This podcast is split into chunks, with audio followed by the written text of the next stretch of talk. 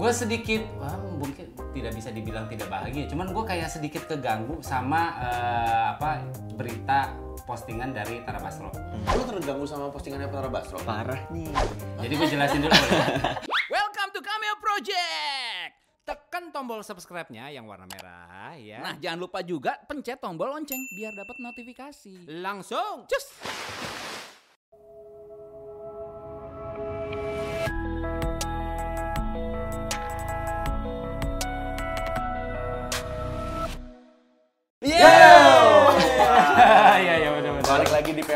Project dan sekarang kita lagi sama Menjadi manusia. manusia. Gua Adam.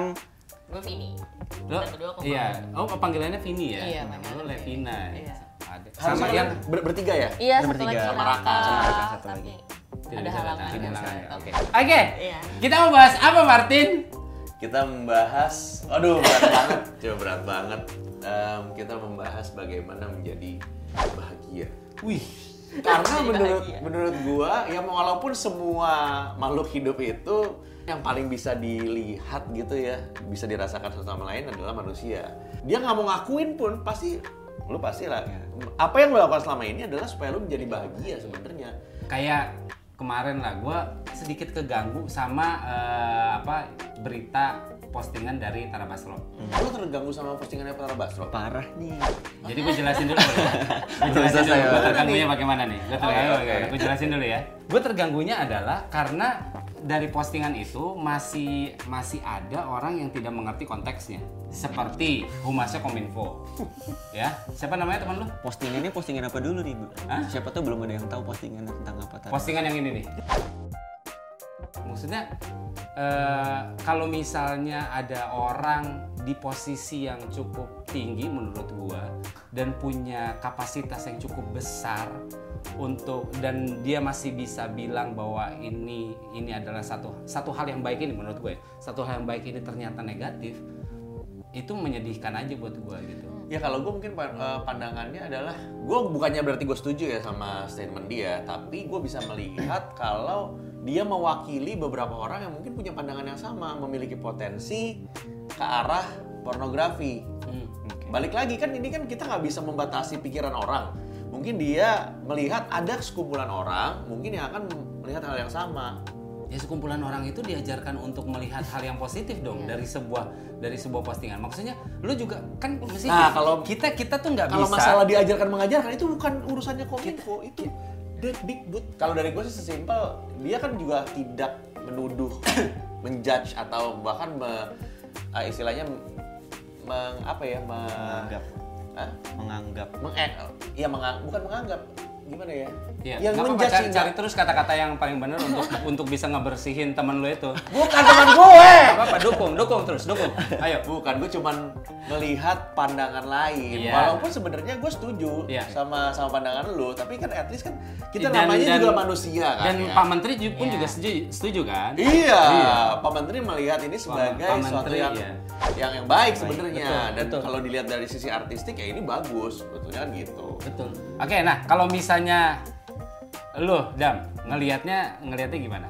Gue sebenarnya kemarin gue sempat eh, ngikutin juga kan. Ah. Terus gue sempat baca ada unpopular opinion juga di Twitter yang kayak menganggap bahwa Tara Basro ini memanfaatkan eh, momen dan kayak kalau sebenarnya kalau body positivity itu dulunya dipakai untuk kayak eh, mengencourage atau meng, apa ya menyemangati orang-orang yang justru yang bertubuh yang Oversize, ya? Iya oversize gitu. Dan kayak tapi sekarang si Tara Basro justru menggunakan itu sebagai kayak jadi konten dan kayak padahal kayak dia cuman insecure sama dirinya sendiri tapi menggunakan itu jadi sebuah alat untuk supaya dia apa ya jadi build self esteemnya dia dengan cara kayak spreading body positivity dan sebagainya. Gue pertama kali baca tuh kayak anjir kayak orang tuh bisa ya. bisa senegatif itu ya. Tapi kalau menurut gua itu tuh hal yang positif yang bisa dilakukan kayak selama ini kan eh, maksudnya cewek-cewek feminis feminis memperjuangkan equal rights dan sebagainya Yeah, supaya yeah. untuk setara dan segala segala macam gitu tapi kayak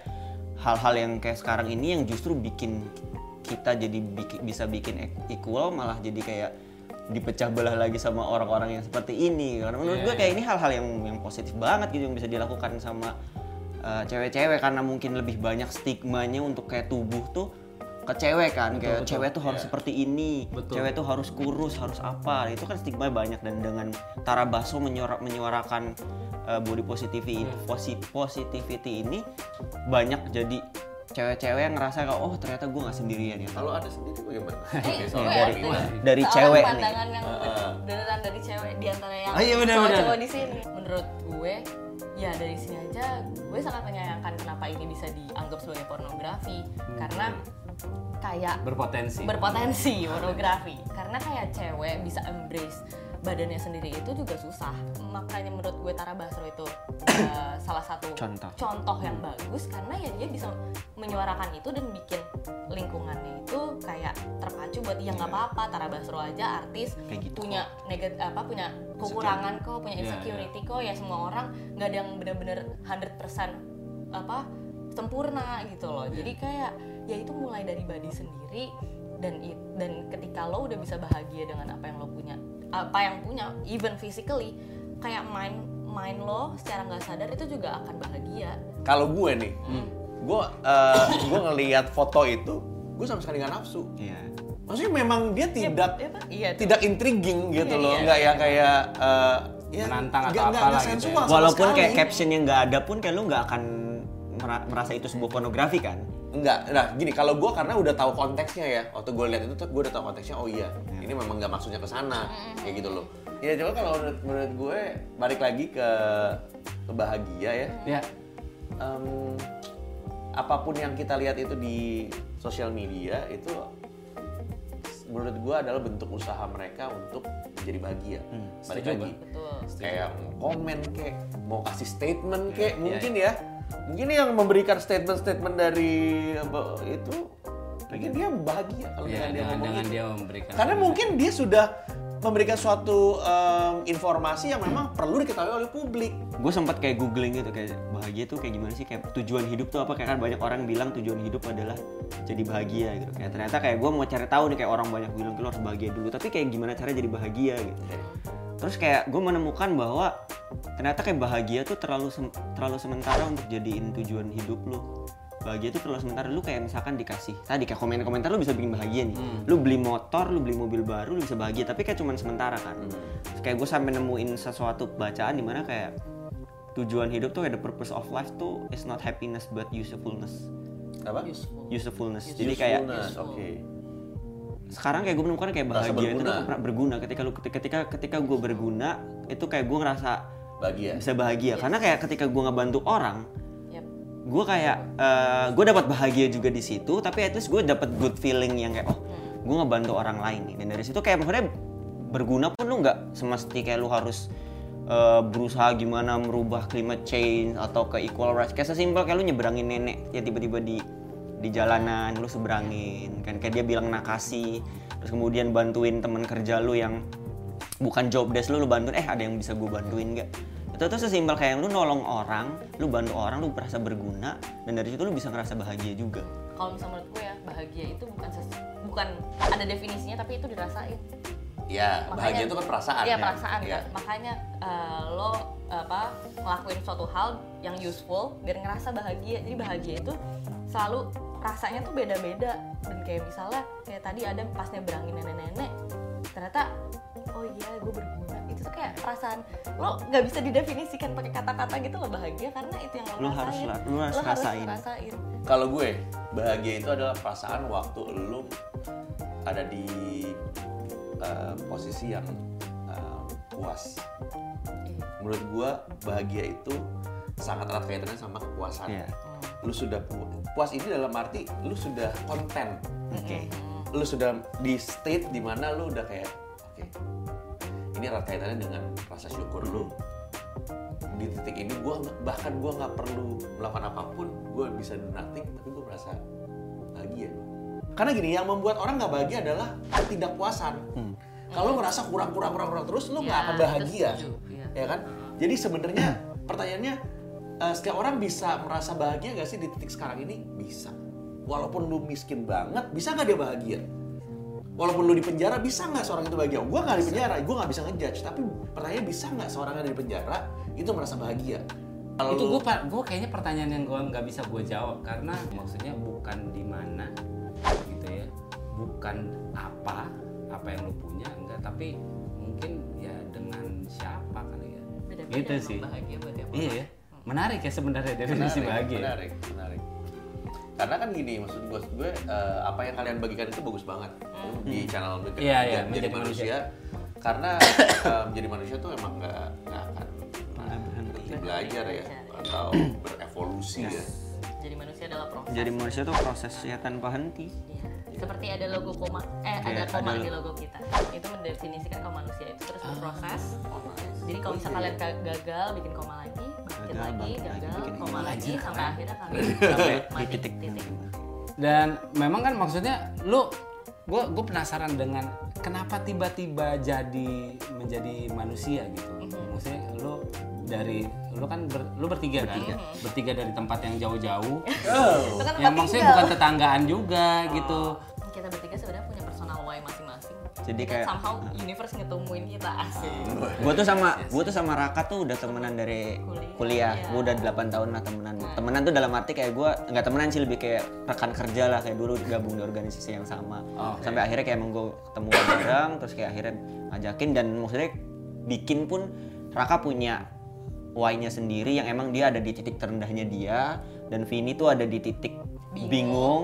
Dua ada. tuh justru di titik nyamannya gitu dan Oh iya, mungkin dan lo bisa gue- cerita dan dulu. gue Kak. sama Raka itu temen dari SD Jadi oh ya Oh, Ya. tapi kita tuh temen SD masih sering ngumpul-ngumpul gitu jadi kayak masih Tapi kuliah nggak bareng? kuliah nggak bareng Enggak, enggak. Gue Dia di UI, gue di Binus. Gue sama Raka bareng. iya dia sama Raka Lu bareng. UI? iya oke Pokoknya Gitu. Raka tuh di titik terendahnya dia sampai sempet OD karena gue tahu banget dia OD kayak make rumah sakit rumah sakit jiwa. dia punya mental illness juga dia ADHD dan segala macam yang itu bikin dia kayak ngerasa kayak gue selama ini dikasih nikmat sama Tuhan kayak nggak dibagi maksudnya kayak gue malah menyia-nyiakan dan akhirnya kayak bikin janji sama diri sendiri akhirnya bikin gitu gue tuh eh, waktu itu lagi di titik bingung Oke. karena gue kuliah jurusan sastra Belanda waktu itu ya dua tahun lalu Sastra Belanda. Jangan nih, kayak kenapa orang tuh kalau Iya, cerita iya. gitu tuh langsung kayak oke Oke, kayak gitu ya. sastra. Kenapa Belanda ya kan semua orang kan nanya ya kena karena Jepang terlalu mainstream iya Iya, sebenarnya emang anti mainstream gitu kan yang Iya, iya, iya. udah yang aman Enggak, Gutenberg. emang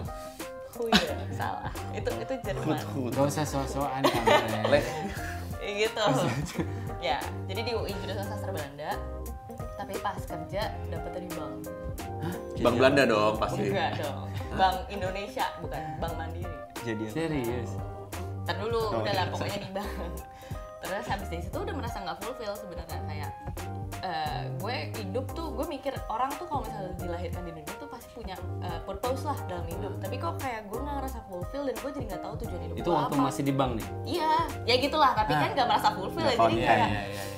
aduh ini mau ngapain sih gue hidup? Jurusan sastra Belanda kul- apa kerja di bank suka gue tuh sukanya desain. Dari dulu tuh gue pengen kuliah di kafe sebenarnya.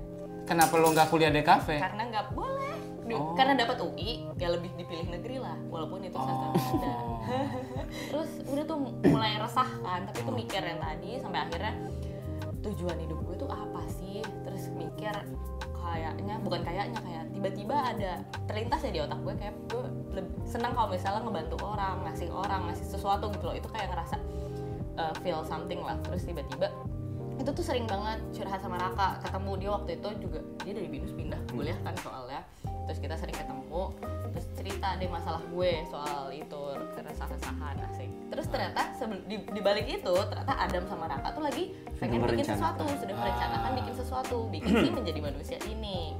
Awalnya emang konsepnya konsepnya tuh eh, Adam tuh suka nulis Hmm. awal konsepnya tuh Adam suka nulis dan kita pengen jadiin video gitu kan Kayak awalnya narasi, kayak narasi puisi, narasi puisi, gitu tulisan aja. aja. Cuma lama-lama pas kita duduk bareng, kita menemukan keresahan masing-masing dan kita nemuin benang merah kita bertiga gitu. Kalau kita resah akan sekarang tuh media di Indonesia tuh banyak banget yang nyebarin negativity ya. Kita bikin yang positif kali ya.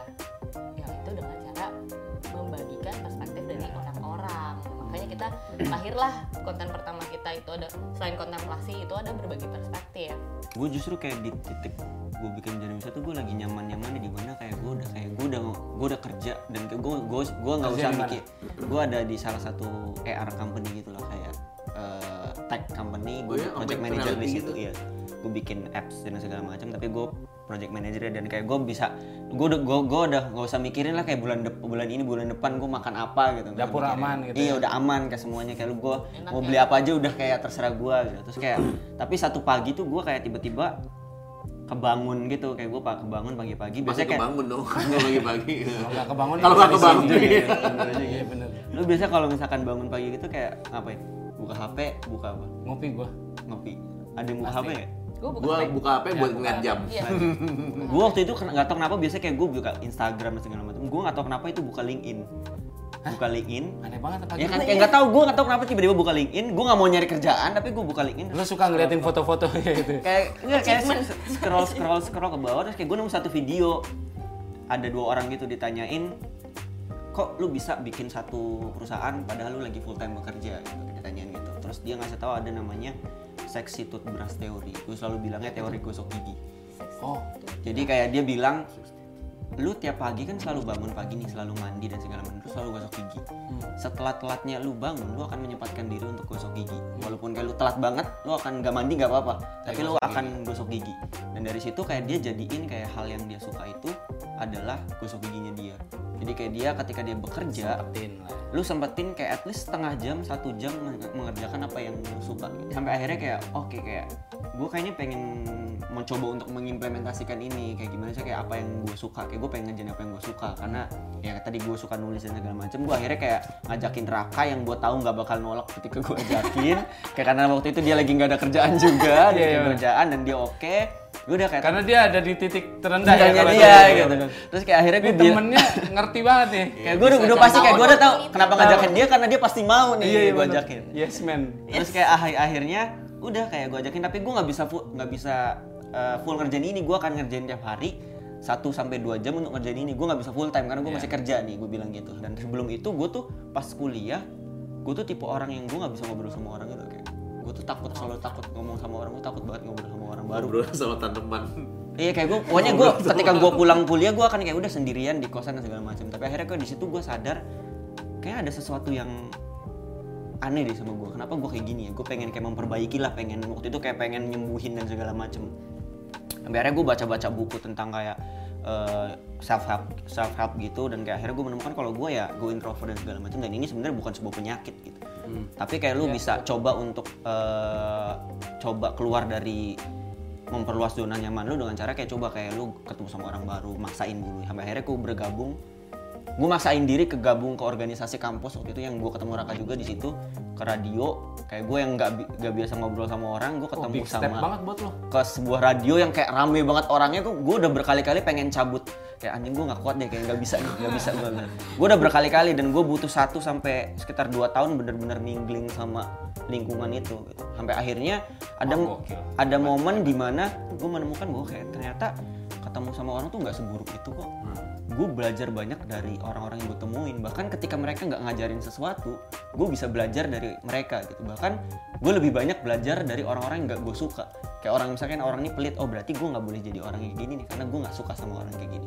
Dan dari situ kayak akhirnya kayak gue banyak cerita dengerin orang-orang cerita dan ngobrol-ngobrol-ngobrol-ngobrol sampai akhirnya gue kayak ini yang jadiin bikin gue kayak oh kenapa nggak ketika gue ketemu sama orang orang cerita dan dengerin gue cerita dengerin cerita mereka gue dapat pelajaran. Kenapa nggak ini kita share ke semua orang juga? Makanya kayak itu bisa jadi, jadi bikin yang berbagi perspektif itu karena gue ngerasa ketika ini orang cerita dan ngasih sesuatu gue dapat pelajaran nih. Iya, kenapa nggak ini gue share ke semua orang aja? Siapa tahu orang yang suka. Dan de- pada saat itu kita nggak ada kepikiran kayak siapa juga yang mau nontonin orang ngomong doang 30 menit sampai lebih. Kayak cuma ngomong doang gitu cerita. Siapa yang mau nontonin? Kita nggak nggak sampai nyangka kayak bakalan gede atau kayak gimana. Nggak lu pernah pelajari nggak kenapa orang em, mau nonton konten yang tadinya lu pikir orang nggak mau nonton? itu yang akhirnya gue menyadari ternyata gue temuin sekarang tuh media apa ya kayak over glorify sukses gitu loh. Lu punya standar sendiri kayak lu sukses tuh harus jadi si A nih. Oke. subscribernya segini lu harus punya mobil ini harus punya ini ini ini ini. Iya, itu tuh bikin kayak jadi kita bikin pressure di mana kayak oh gue harus seperti dia ya kalau misalnya mau sukses. Terus akhirnya kayak itu jadi apa ya kita tuh jadi ngerasa kayak oh gue harus jadi seperti ini dan segala macam jadi kayak itu yang bikin kita jadi sekarang tuh jadi anxious generation generasi yang gelisah di mana kayak gue harus eh, ngerasa harus apa ya kita connected kita tuh sangat connected sangat terhubung dengan kayak sosial media. Tapi at some point kita dispatch juga kayak ngerasa kayak nggak bener-bener terhubung dengan orang-orang lain. Kita selalu ngerasa pengen fit in. Kita masing-masing unik tapi selalu ngerasa pengen jadi bergabung di lingkungan yang sama dan segala macam. Dan itu yang bikin orang-orang tuh selalu apa ya nggak ada yang nge-share nge-share tentang kayak kegelisahan kegelisahan atau masalah-masalah yang dihadapi. Dan mungkin di sini ketika ada orang yang cerita tentang masalahnya dia itu tuh jadi orang tuh bisa relate. Karena kan kayak ketika orang apa ya kita tuh pengen jadi media yang bukan menggiring opini tapi kayak menggiring hati. Di mana kayak eh ketika cerita tersebut cerita orang dari ini bisa relate kayak orang-orang tuh akan secara emosional tuh akan connected gitu loh karena bisa ya, merangkum sendiri. karena manusia tuh bukan bukan makhluk yang logika banget kayak perasaan banget Oke, nah yang menariknya kan setelah lu udah berapa lama nih bikin menjadi manusia? Dari 2018. dua tahun lah ya Dua- Juli dua tahun dua mau tahun, dua. Dua tahun subscriber 400 Nah, lumayan. Kita 2012 ya. Bagus dong berarti kan maksudnya gini loh. Iya bagus. Iya kan? bagus. Ini bagus loh ini. Iya. Bagus ini definisinya. Konteksnya bagus Agak kontradiktif ya. Dua tahun langsung 400 ribu dan yang lebih menarik lagi kan di tahun 2000 oh lu apa eh, CFC tahun berapa? Ini tahun 2019 2020. Iya periode. Creator for Change Gokil itu barengan satu angkatan barengan sama Skinny Ini Indonesia, Indonesia, Clarin Hayes dan Najwa Najwa. Shihab sama Banana. Wah, keren sih keren. Nah, kalian bikin apa Eh, di untuk, yang Creator for Change? Jadi waktu itu tuh Creator for Change tahun ini tuh ada empat tema Eh, cyberbullying, Hmm. eh, extremism, gender based violence, sama hate speech. Nah, yang kita dapat yang kita itu cyberbullying. Jadi kayak bikin kita bikin apa sih? Kita short mau movie. bikin short movie tentang sya- cyber, Cyber, cyberbullying. Cyberbullying. Iya. Kita sebenarnya pengen coba beda dari konten kita yang biasanya. Iya. Kalau kita kan biasanya eh, ngeluarin video Interview, biasa, interview, dokumenter. dokumenter. Makanya di sini kita pengen coba eh, deliver message cyberbullying itu lewat short movie. Jadi nanti kita akan gambarkan ya message-nya sebenarnya pengen nge-capture kalau misalnya eh, lo sendiri itu perlu hati-hati dalam komen dan orang yang menanggapi itu juga perlu Iya. ya lo sendiri yang bisa kontrol your mind Dua ketika sisi. baca itu jadi dua sisi judul short movie itu dua, Dua detik. detik. dua detik Oh. message message dari Tapi nggak dua detik doang dong. Eh, Dua dong, detik. kan- Jadi kayak filmnya kayak satu, dua udah selesai. Tabuk lu ya. Asli, ngapain lu bikin ngapain lu bikin filosofinya kalau misalnya cuma kayak gitu doang. oh iya iya Oh, Anda mudah tertrigger. Dua detik loh. Udah jelas nggak mungkin. Oh iya benar. logikanya Benar dong. benar. ya jadi dua detik itu filosofinya Kopi. bukan Bukan dong. Nggak enak kalau nggak dikeluarin. Udah nyangkut banget di sini. Dari tadi ya. message-nya jangan sampai dua detik yang kalian Gunakan. gunakan merugikan buat orang lain Oh. Kayak lu tuh ngetik komen kayak Komen pelacur kan? tuh itu. dua detik gitu. Tapi kayak itu akan meng, apa ya? akan terngiang-ngiang sama yang ngebacanya gitu. bakal ngefek dan lo nggak akan banget. tahu efek si yang baca tuh bakal kayak gimana Kita ngambil narasinya dari sebenarnya dari banyak eh, K-pop ya K-pop Su Sani ya? Siapa namanya? Ya. Sani. eh su, su, Sali. Sa Suli, Suli. Suli, Suli. Sali atau Suli? Oke, ini bakalan tayang April ya. April, April akhir lah akhir. kita bakal online Di Jadi YouTube-nya gitu. barangnya seluruh seluruh South, Southeast Asia ya ya? Southeast Asia Oke, kalau gitu. Oke. Thank you semuanya. Thank you ya. Thank Thank you. you. Sip, Thank you juga semuanya for watching dan jangan lupa subscribe ke Menjadi Manusia. Ya, Biar nyalip cameo. Betul. Iya. Betul, betul. Kita, kita happy kalau misalkan ada yang nyalip kita, kita happy karena sudah biasa. Sudah biasa. Kita sudah Iya. terbiasa. Awalnya kaget, tapi lama-lama sudah biasa dan kita akhirnya happy. kita memutuskan untuk happy. Oke, kalau gitu semuanya, thank you. Bye-bye.